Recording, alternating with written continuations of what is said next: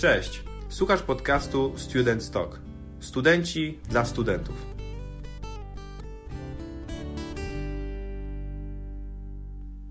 Cześć kochani.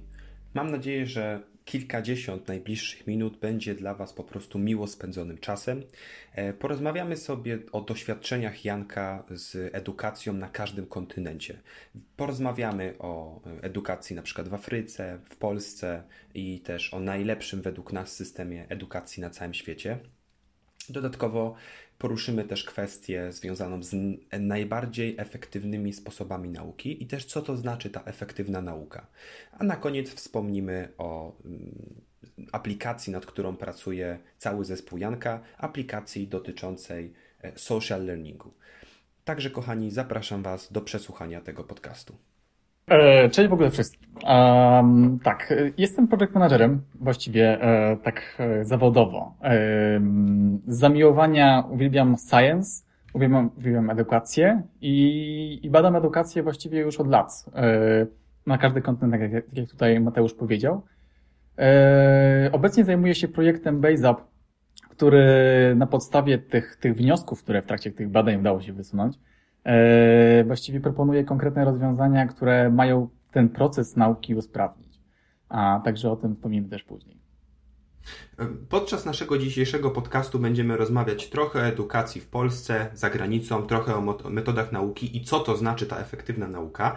Więc jeżeli już zaczynamy od, tego, od tej edukacji, to pytanie do Ciebie. Dlaczego zrezygnowałeś z Warszawskiego Uniwersytetu Medycznego? Z jednej strony mówimy o edukacji, a z drugiej strony Ty rezygnujesz. O co chodzi? Zacznijmy od początku. E, właściwie od samego początku mojej styczności z edukacją jako taką, czyli od gdzieś tam szkoły podstawowej, e, bardzo lubiłem się uczyć a, i, i właściwie nie miałem z, z, tym problemu, tak, do takiego stopnia, że, że gdzieś tam w trzeciej czy czwartej klasie szkoły podstawowej przeczytałem encyklopedię PWN i, e, i, i byłem jednym z tych dzieciaków, które zarówno chodziły na olimpiadę z, z historii, jak i tego samego dnia potrafiły pójść na olimpiadę z matematyki, nie? Więc jakby dla mnie zawsze jakby nauka była czymś, co, co bardzo lubiłem. I e, jakby naturalnym wyborem dla mnie było pójście na studia typu medycyna, tak, e, bo, bo po prostu e, gdzieś tam nie przerażała mnie świadomość tego, że będę musiał uczyć się przez tyle lat. Zresztą też, też medycyna jest traktowana jako taki zawód, no, szanowany i tak dalej, więc jakby wybór był dla mnie dość logiczny. W ogóle nie, jakby nie, nie przypuszczałem, że mógłbym wybrać coś innego wtedy.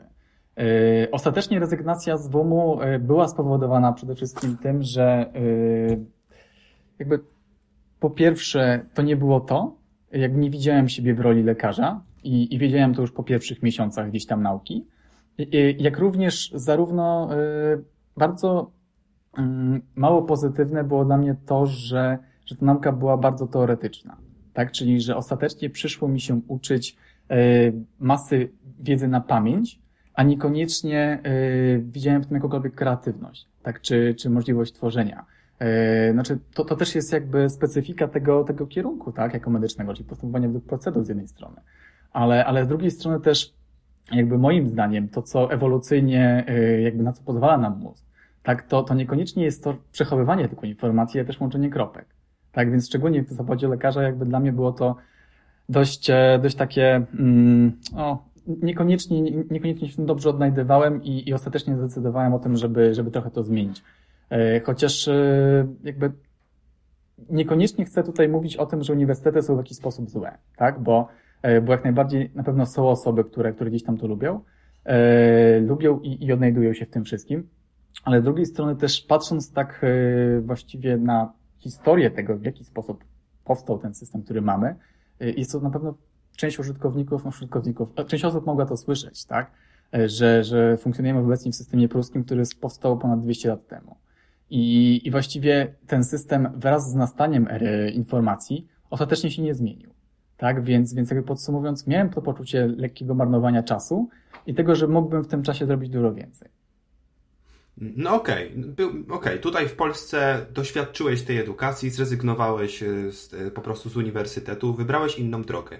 Miałeś też kontakt z edukacją na innych kontynentach, na, w innych miejscach, miałeś spotkania po prostu z masą ludzi, do tego konferencje na temat też edukacji, nauczania, sposobów nauki i tak. I ostatnio, kilka tygodni temu, dwa, trzy, e, wróciłeś z Afryki. I miałeś tam przyjemność e, po prostu nauczać też osoby, e, dzieci, młodzież, studentów w Afryce. I teraz tak, przed tym jak powiesz na ten temat, mam do Ciebie taką, taką kwestię. Czy doświadczyłeś tam takich stereotypów, że ołówek, kartka, tak naprawdę studenci nie wiedzą, co to jest wschód ani zachód słońca, no w ogóle tragedia, nie ma tam zasobów do, te, do tej nauki. Czy faktycznie z tym się spotkałeś? E, tak, to znaczy w ogóle jakby nadając jakiś kontekst tego wszystkiemu, temu wszystkiemu, dla mnie to był mega fan w ogóle móc w końcu zastosować te kilkuletnie badania w praktyce, tak? Czyli mogłem ci, wcielić się właściwie gdzieś tam w rolę tego nauczyciela, E, I to była szkoła zawodowa w Tanzanii wschodniej Afryce, tak? Więc ostatecznie miałem okazję idealnie, znaczy miałem bardzo dobrą okazję zaobserwować, z czym, z jakimi problemami oni się właściwie mierzą i, i właściwie co, co działa z tego wszystkiego, co ja słyszałem na razie tylko i wyłącznie teoretycznie, tak? Na pewno bardzo ważne było w tym wszystkim to, że była to szkoła zawodowa. Tak, czyli że ci, te osoby uczyły się właściwie od samego początku pod kątem konkretnego zawodu. Tak? E, przez co, przez co nie brakowało im raczej motywacji do tego, żeby się tego uczyć. Jak to jest często e, widziane, powiedzmy w Polsce na tych poziomach K-12, czyli te szkoła podstawowa, liceum na przykład, tak? E, I, i, I to właściwie w jaki sposób ja tam uczyłem było zależne tylko i wyłącznie ode mnie, tak? Czyli miałem duże pole do popisu też, więc mogłem masę rzeczy przetestować. I to, co działało bardzo fajnie, to była nauka poprzez interakcję, tak? Czyli ja nie uczy, uczyłem ich angielskiego, tak, więc nie uczyłem ich na zasadzie podstaw gramatycznych e, od samego początku, tylko właściwie starałem się z nimi rozmawiać i dopiero wtedy to tłumaczyć. Tak, w momencie, gdy mieliśmy jakąś tam konkretną potrzebę. E, ostatecznie wyniki były takie, że w ciągu pięciu tygodni właściwie klasy, w której e, połowa osób mniej więcej po angielsku nie umiała mówić, pod koniec e, byłem w stanie prowadzić dyskusję na temat pod tytułem E, edukacja, problemy Afryki czy, czy geografia z każdą osobą z tej grupy po angielsku. Także dla mnie to było w ogóle niesamowite. Mówiąc o tych interakcjach, masz też na myśli, że u nas w Polsce tych interakcji międzyludzkich, między studentami, uczniami jest po prostu mniej niż na przykład ty tam wprowadziłeś, albo inaczej niż też powinno być. Tak, jak najbardziej. To znaczy, to jakie ja miałem odczucia z uniwersytetu mojego, tak? to były odczucia takie, że mm, jest konkretna podstawa programowa, którą trzeba przerobić i będziemy weryfikować tę podstawę za każdym razem w formie testów, egzaminów i po prostu macie się tego nauczyć, tak? E, więc, więc tutaj jakby to moje podejście było zupełnie inne, tak? E, to jest podejście, które na pewno jest dużo bardziej widoczne gdzieś na zachodzie, tak? W UK na przykład, czy, czy w Stanach, czyli, czyli bardziej po prostu dyskusja, Yy, i wspólne jakieś tam krytyczne myślenie w kontekście konkretnych konceptów, tak? Więc, yy, więc na pewno tego w Polsce przynajmniej mocno brakuje.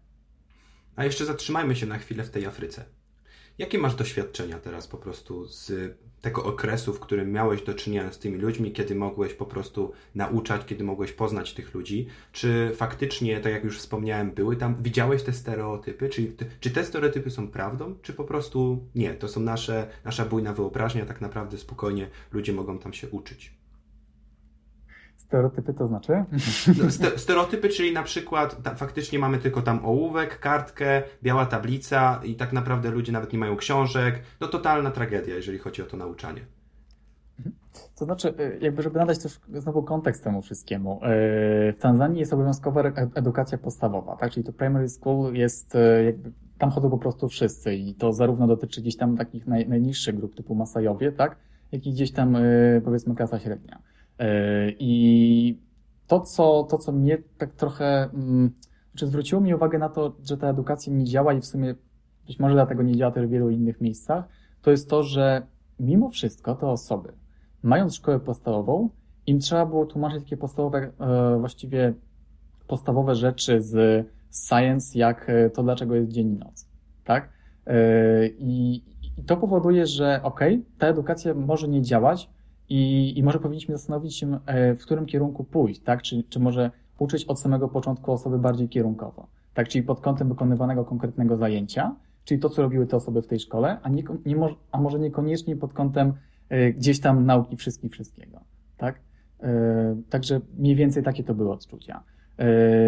Na pewno, na pewno, no, dla mnie, dla mnie ta praktyka tam była, była takim ciekawym odkryciem, tak? Czyli to była też szkoła, w której był prowadzony hotel, której była prowadzona restauracja.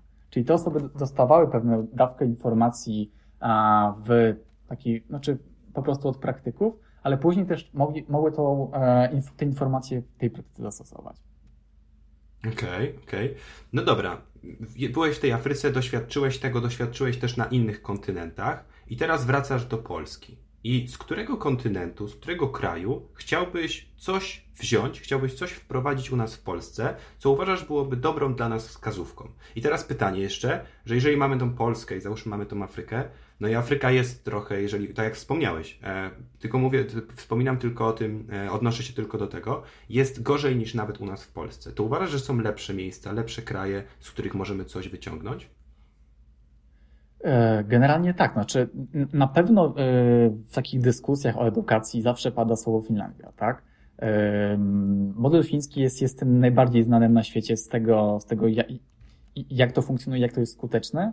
I, I tym, co moim zdaniem z takiego modelu można byłoby spokojnie wyciągnąć, to jest, to jest przede wszystkim to, że, że uczeń ma bardzo dużą niezależność w swojej nauce i, i dwa, to jest właściwie brak, brak testów do bardzo późnego etapu tej edukacji, tak?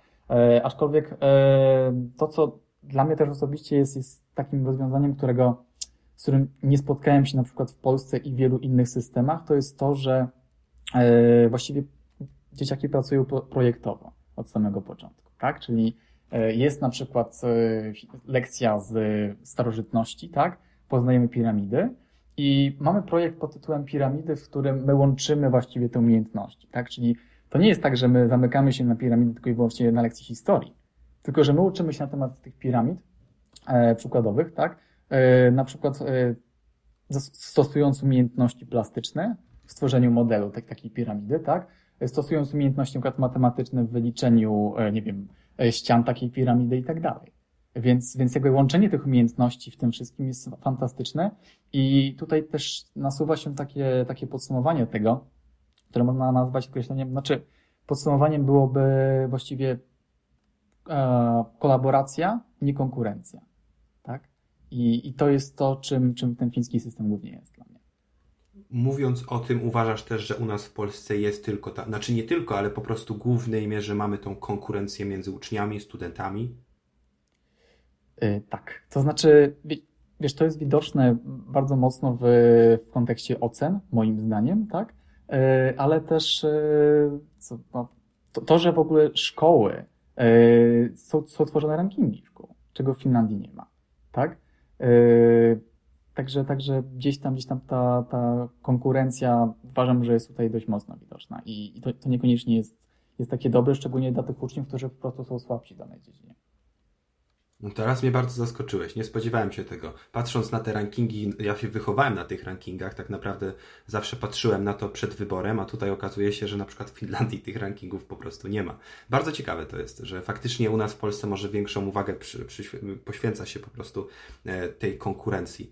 Mm, I teraz jeżeli chodzi o tą Finlandię, to żebyśmy może powiedzieli o takich kwestiach. Po pierwsze, załóżmy, że faktycznie to jest najlepszy, najlepsza edukacja na świecie. Badania to pokazują. E, wiele mm, efektów jest, jest po prostu tej edukacji później widocznych. Co moglibyśmy wziąć oprócz takiej współpracy do nas, do Polski? To, co mi się nasuwa tutaj na myśl, po, ostatnio miałem przyjemność, tutaj też właśnie wtrącę, ostatnio miałem wielką przyjemność porozmawiać z dr Annę Stenrose, e, która jest projektantką Helsinek. Wychowała się w Helsinkach i trochę opowiedziała nam na, temat, na taki temat, jak wyglądała edukacja u niej, jak ona była małym dzieckiem, zaczynała chodzić właśnie do szkół podstawowych, potem jak poszła na, na studia i jak, mm, jaka była różnica na przykład tam, a jaka była u nas w Polsce, bo właśnie doktor Ann u nas w Polsce też przez jakiś czas była. I powiedziała o kilku rzeczach. Po pierwsze, że tam w Finlandii przedmioty głównie są oparte na rodzajach inteligencji. Czyli mamy na przykład inteligencję naturalistyczną, logiczną, sportową i tak dalej. E, mamy też taką inteligencję, w której potrzebujemy spotkania z drugim człowiekiem, ale potrzebujemy też spotkania z, na, z nami e, samymi. Więc chodzi o to, że tam, w tych Helsinkach, i pewnie nie tylko tam, E, ale w całym kraju, jest właśnie taki nacisk na te przedmioty, które rozwijają tą inteligencję. Na przykład, jeżeli mówimy o tym, o inteligencji naturalistycznej, to doktor Anno opowiadała, że uczniowie na, na tym przedmiocie wychodzili do parku i na przykład przytulali drzewa, uczyli się wrażliwości, kontaktu z naturą. Na, na, na przykład na przedmiotach innych, nie wiem, załóżmy matematyka czy tak dalej, też była cały czas ta współpraca, o której ty wspomniałeś, ale też wrażliwość, co czujesz i tak dalej, kontakt z własnymi emocjami. To było niesamowite, jak doktor Ann, mając, y, będąc oczywiście starszą osobą od nas, opowiadała nam to i to było tyle lat temu. To było wtedy, kiedy nas jeszcze na świecie nie było. A my nadal w Polsce jesteśmy troszkę tacy, no, jeszcze, jeszcze jakby do tyłu. Nie mówię tylko w Polsce, ale też w innych krajach. Mm, ty miałeś kontakt po prostu, oczywiście, z, wiesz, no, z większą ilością niż ja, jeżeli mówimy o to, dlatego ja odnoszę się tylko do Polski. Ale jak najbardziej możemy wzorować e, się na tych, e, na tych Helsinkach, na tamtym e, systemie edukacji.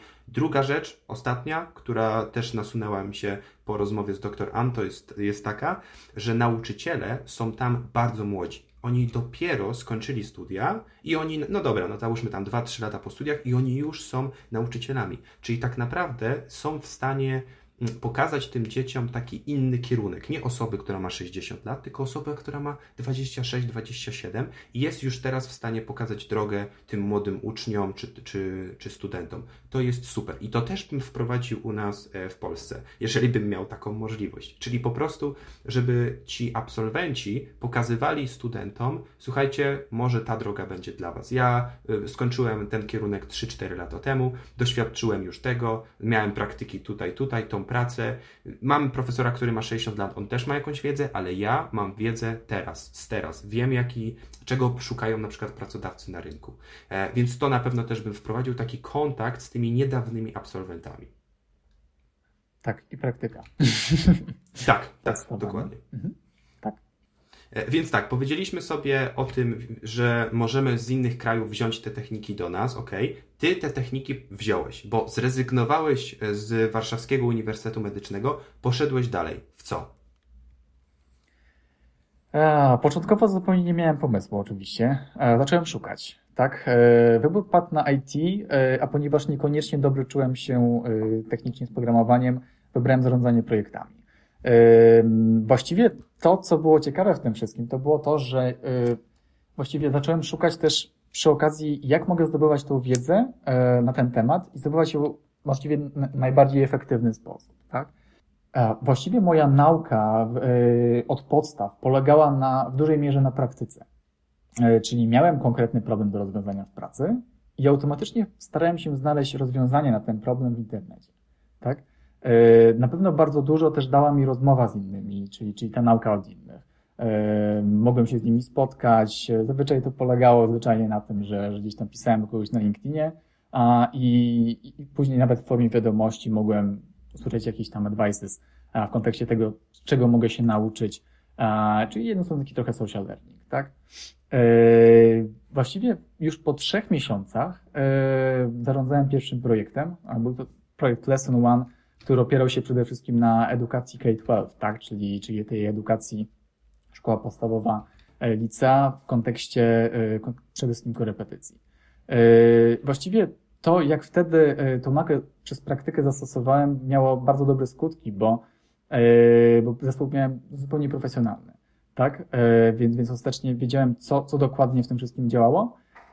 I można powiedzieć, że to sobie w stanie panowałem zwyczajnie całkiem nieźle. O samym projekcie. Właściwie, właściwie projekt e, początkowo był dość prostym pomysłem e, platformy do, do korepetycji i, i też przy okazji rozmów wtedy z nauczycielami, głównie w Polsce, miałem okazję zaobserwować, jakie, jakimi problemami mierzą się ludzie właśnie w tej grupie, tak? Czyli, czyli podstawo, szkoły podstawowe, licea. I, I wtedy już wiedziałem, że, że powiedzmy, no, zakochałem się w edukacji zwyczajnie, tak? Że, że jest to dziedzina, w której obserwujemy taką ilość problemów, nie tylko w Polsce, ale właściwie na całym świecie, że, że w końcu czas, żeby coś tutaj zmienić. E, I, I też w tamtym momencie zacząłem badania nad tym wszystkim, tak? E, widziałem już co nieco o szkołach podstawowych, o liceach jak pracują nauczyciele, z jakimi mierzą się problemami, e, ale, ale ponieważ miałem już doświadczenia edukacji wyższej, które niekoniecznie były też, też pozytywne, raczej zainteresował mnie bardziej ten kierunek. Ostatecznie w dalszej kolejności poszedłem właśnie w tym kierunku i, i co? Znowu zacząłem od badań, tak? Czyli rozmów z ludźmi.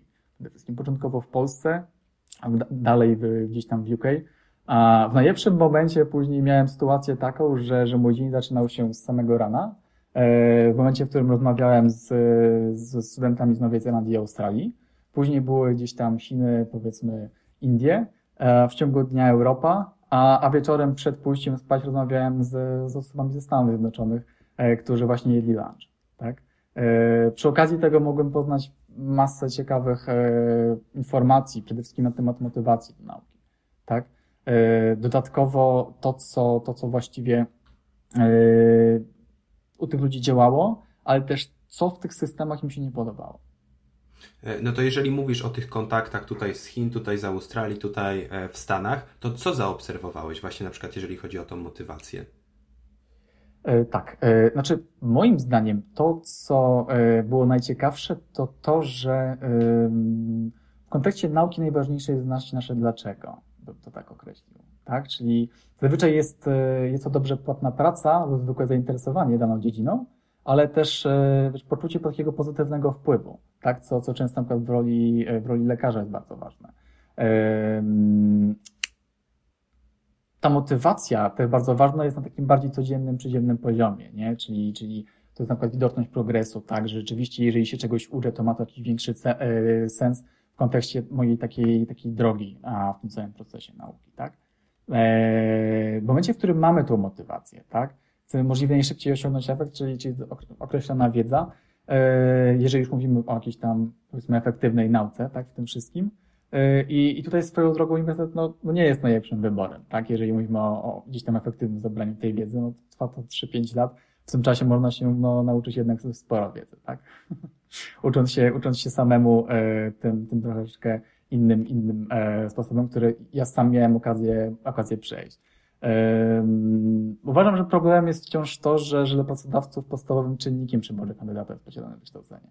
Tak, więc, więc jeżeli mówimy o przyszłości edukacji, to myślę, że, że to na, należałoby zmienić i na przykład w IT jest e, to dobrze widoczne, że, że w tym momencie rekrutacje polegają raczej na sprawdzeniu konkretnych umiejętności, a niekoniecznie wykształcenia. Tak, czyli jako 20-latek mogę rzeczywiście zacząć pracę i, i ostatecznie właśnie największym czynnikiem będzie to, jak dobrze programuję, a niekoniecznie to, jak skończyłem uczelnię. Tak? W tym wszystkim, e, w tym całym efekcie zdobycia wiedzy pomagają nam jakby konkretne metody. Tak? E, te metody właściwie myślę, że, że wiele osób zna, ale, ale przy okazji tak, tak obszernych badań i trwających dość długo, no, gdzieś tam mogłem, mogłem e, zaobserwować te najbardziej skuteczne. Myślę, że te metody, słuchaj, będą super, dlatego że my nie, stara, nie, nie możemy teraz zmieniać całe, całego tego systemu edukacji, bo po prostu nie mamy w tym momencie tej mocy, ale możemy pokazywać, tworząc takie na przykład projekty, jakie, jakie Ty zrobiłeś, czyli e, aplikacja, o której jeszcze wspomnimy, e, jesteśmy w stanie pokazywać dobrą drogę. Więc jakie Ty masz metody na efektywną naukę i co to znaczy ta efektywna nauka? Jeśli chodzi o efektywną naukę, na ten temat w trakcie tych wszystkich lat spędzonych na badaniach słyszałem już chyba wszystko. Na pewno wiele osób zna metodę tak zwanych fiszek, e, która opiera się w znacznej mierze na powtarzaniu ich aż do skutku. Niestety problemem tej metody jest to, że ostatecznie pamiętamy fakty, które możemy sprawdzić, a wkowanie na pamięć nie dość, że w dobie internetu nie ma sensu, to jest zwyczajnie nudne. Tak? E, dlatego też dla mnie metodami najskuteczniejszymi e, są te, które umożliwiają najłatwiejsze zrozumienie całych konceptów. Tak? E, a nie tylko zapamiętanie faktów. I które ostatecznie kiedyś mi a umożliwiły szybkie zdobycie potrzebnych e, do pracy umiejętności. Tak? A tutaj moją ulubioną jest e, metoda, być może część osób zna, Explain Like I'm Five.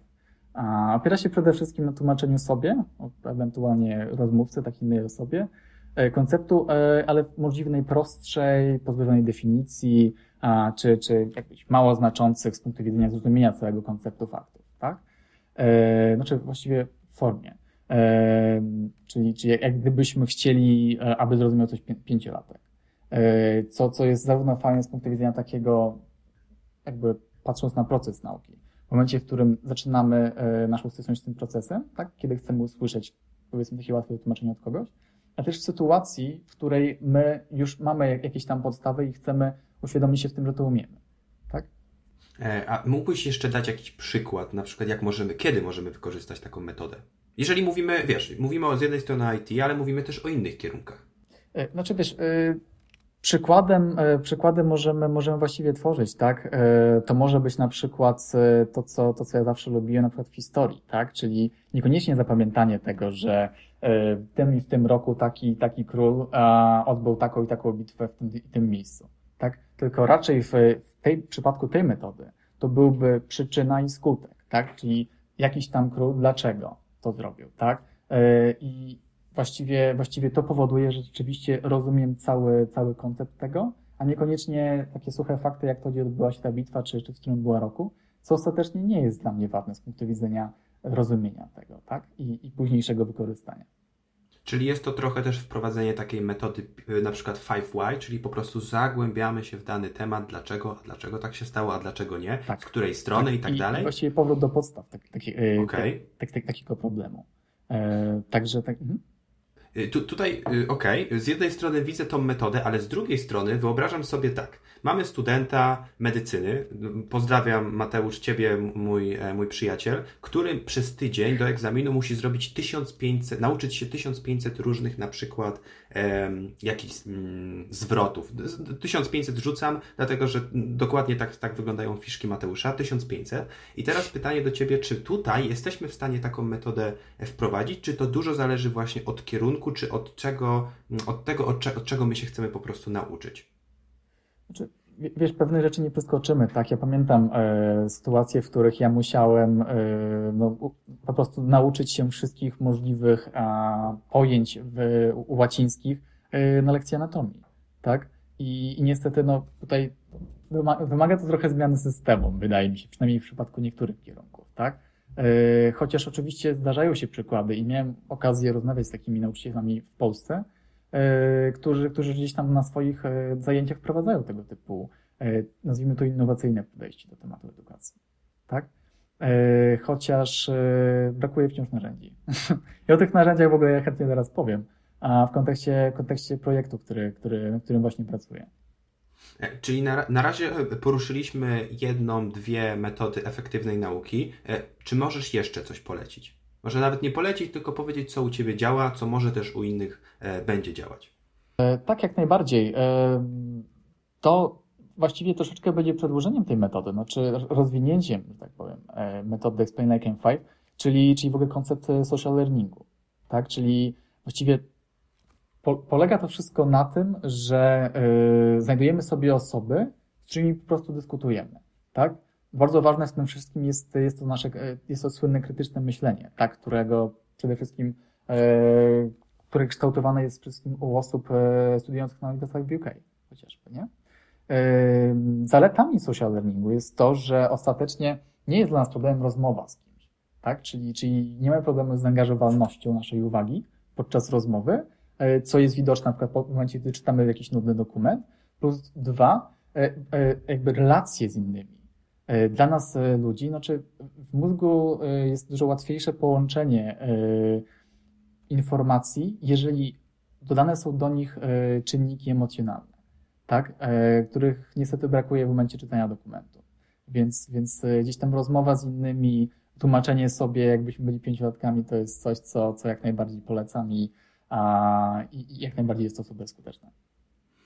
Czyli na przykład mamy, załóżmy, studentkę, E, finansów, mamy studentkę marketingu i ta osoba planuje na, naukę do egzaminu, albo planuje naukę też innego, innej umiejętności. Nie tylko mówimy o wiedzy takiej stricte, e, z której musimy się sprawdzać, ale też po prostu z wiedzy, czy tam z umiejętności, którą chcemy się nauczyć, czy to jest kodowanie, czy cokolwiek innego. Mm, czyli jak mogę, mm, jakby to powiedzieć, zaprosić innych do tego, żebyśmy my spotkali się i o tym opowiedzieli. Jak w ogóle znaleźć takie osoby? Czy ty masz jakąś propozycję? Tak, wiecie, znaczy to, to, jest, e, to jest problem, z którym my się troszeczkę e, obecnie mierzymy, tak? Czyli e, owszem, możemy spotkać się ze znajomymi, tak? Owszem, możemy gdzieś tam zagrać do nich na Messengerze czy na Discordzie, ale, ale ostatecznie m, taka bezpośrednia dyskusja instant, czyli właściwie w tym momencie, no niekoniecznie jest, jest aż tak możliwe na ten moment i, i właściwie tutaj możemy nie przejść do projektu, nad którym pracujemy, tak? Czyli, czyli Projekt BaseUp to, to właściwie narzędzie do social, do social learningu.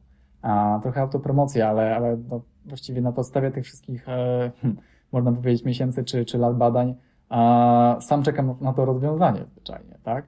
I, to, co będzie fajne w tym wszystkim, to będzie to, że właściwie w danym momencie, chcąc nauczyć się konkretnego, znaleźć właściwie rozwiązanie na konkretny problem, czy, czy nauczyć się konkretnego, większego konceptu, dzięki aplikacji będziesz mógł znaleźć sobie osoby, które dokładnie w tym samym momencie uczą się dokładnie tego samego, co my. Tak? E, w ramach wspomnianej wcześniej metody Explain I Can 5, tak? E, co, co jak wynika z naszych właściwie pierwszych testów, jest, jest zarówno fajny pod kątem tej angażowalności uwagi w stosunku do czytania wspomnianych wcześniej dokumentów, ale też e, ułatwia zrozumienie samego konceptu, tak? Czyli to nie jest definicja naukowa, tylko jest to po prostu wytłumaczenie osoby, która właściwie jest tym samym, na tej samej etapie tej drogi nauki, co my, tak? Więc, więc jej wytłumaczenie będzie pozbawione zbędnych informacji, które nie mają znaczenia z punktu widzenia zrozumienia danego konceptu. Mm, a możesz, możesz powiedzieć, jak to będzie działało i kiedy e, na przykład będziemy mogli z tego korzystać? Tak, e, właściwie już, e, już w kwietniu, maju będzie dostępna aplikacja, która, która przede wszystkim opierała, będzie, będzie się opierać na wyszukiwarce, w której wyszukamy sobie konkretny tag, który będzie dotyczyć tego, czego chcemy się właściwie nauczyć. I, i w tym momencie będzie wyświetlać nam się właściwie, właściwie wall, na którym znajdziemy osoby, które w tym momencie się tego uczą, mierzą się z konkretnymi problemami. E, dodatkowo do tego wszystkiego e, to, co dla mnie było ważne, to, to widoczność progresu tego całego procesu, tak? Czyli żeby to nie wyglądało tylko i wyłącznie na zasadzie, że gdzieś tam sobie z kimś rozmawiamy, czy, czy po prostu e, wchodzimy w jakąś interakcję, ale też żebyśmy widzieli progres tego, tej, tego naszego procesu nauki. Co, w, czym, w czym będzie nam pomagać właściwie drugi zakres tej aplikacji, czyli tak zwany brain a do którego będziemy mogli właściwie dodawać sobie y, wszelakie linki, tak, czy, czy materiały, które, które powiedzmy już przeczytaliśmy już będzie, lub będziemy chcieli zrozumieć, a, przeczytać e, i co będzie umożliwiało nam widoczność tego, w którym miejscu tej drogi jesteśmy, tak, na, w kontekście konkretnego konceptu. E, czyli załóżmy, że chcę się nauczyć jakiejś umiejętności, wchodzę na Twoją aplikację, wybieram sobie załóżmy, daję informację do aplikacji, ja się uczę tej umiejętności, aplikacja pokazuje mi osoby, załóżmy z całej Polski, z całego świata, którzy też uczą się albo chcą się uczyć tej umiejętności i co wtedy? Czy my wtedy mamy na przykład spotkanie online, y, to może być na przykład więcej osób niż dwie, trzy, cztery i tak dalej i wtedy zaczynamy dyskutować na ten temat?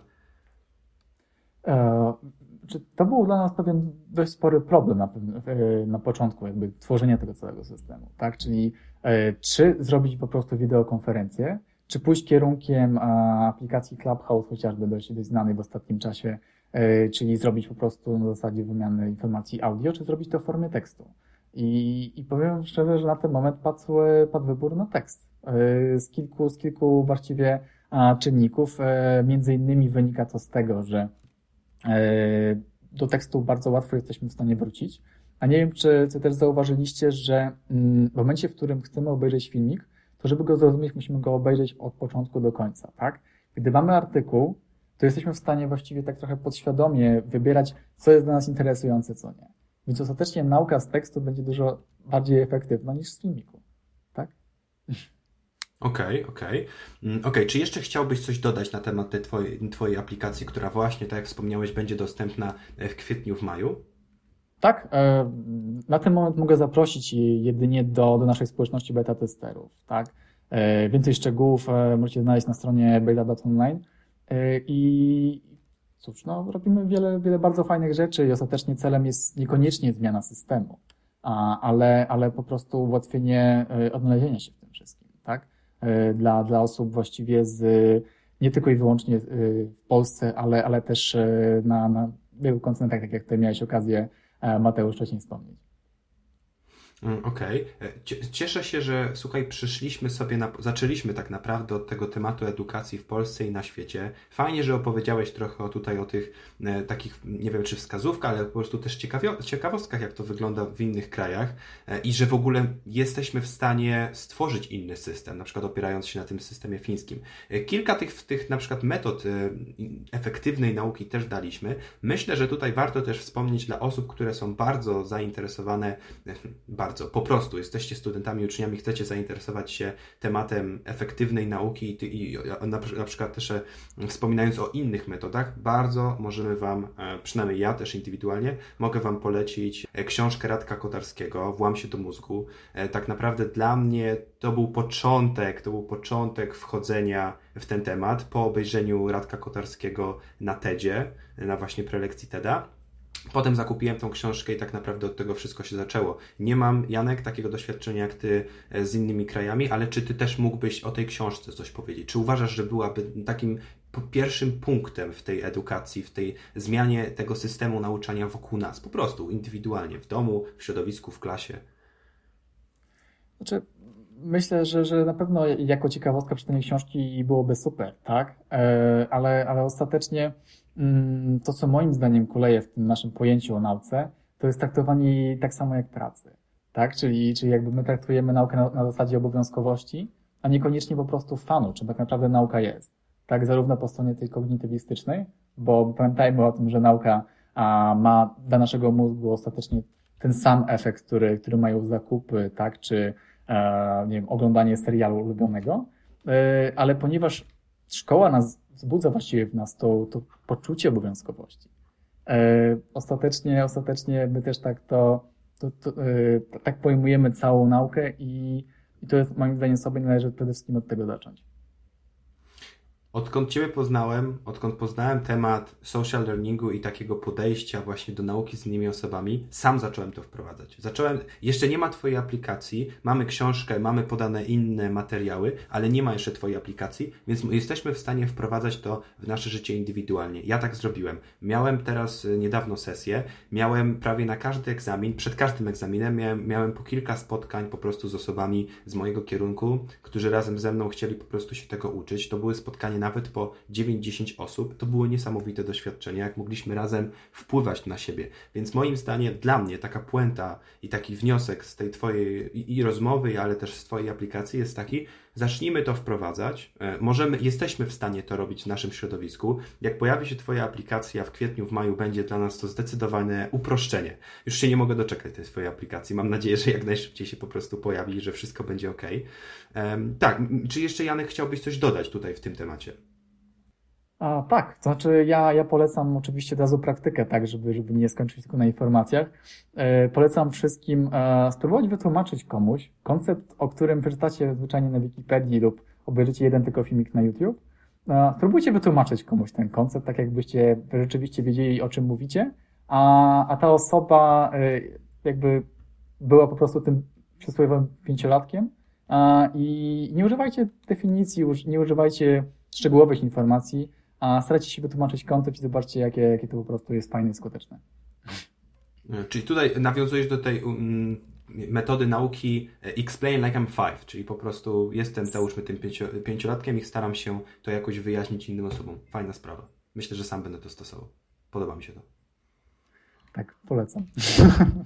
E, Janek, słuchaj, będziemy już teraz powoli kończyć. E, bardzo się cieszę, że te tematy poruszyliśmy. Może nie szczegółowo, ale przynajmniej dotknęliśmy kilku um, E, tematów. Bardzo się z tego cieszę i trochę edukacji o sposobach nauki. Jeżeli jesteście ciekawi, to w linkach poniżej znajdziecie też e, po prostu mm, strony, na, na, przykład właśnie Janka, jeżeli mówimy o tym BaseUp, o, tym całej, o tej całej aplikacji, o platformie i tak dalej. Więc mam nadzieję, że tam też znajdziecie coś po prostu dla siebie. E, Janek, jeszcze raz bardzo Ci dziękuję. Czy chciałbyś coś jeszcze dodać na koniec? A, nie, dziękuję bardzo. bardzo fajnie było w ogóle Mateusz z Tobą porozmawiać e, na ten temat i e, sam czekam na aplikację, także, także zapraszamy gdzieś tam do, do społeczności i, i życzę wszystkim wszystkiego dobrego. Dzięki bardzo, trzymaj się.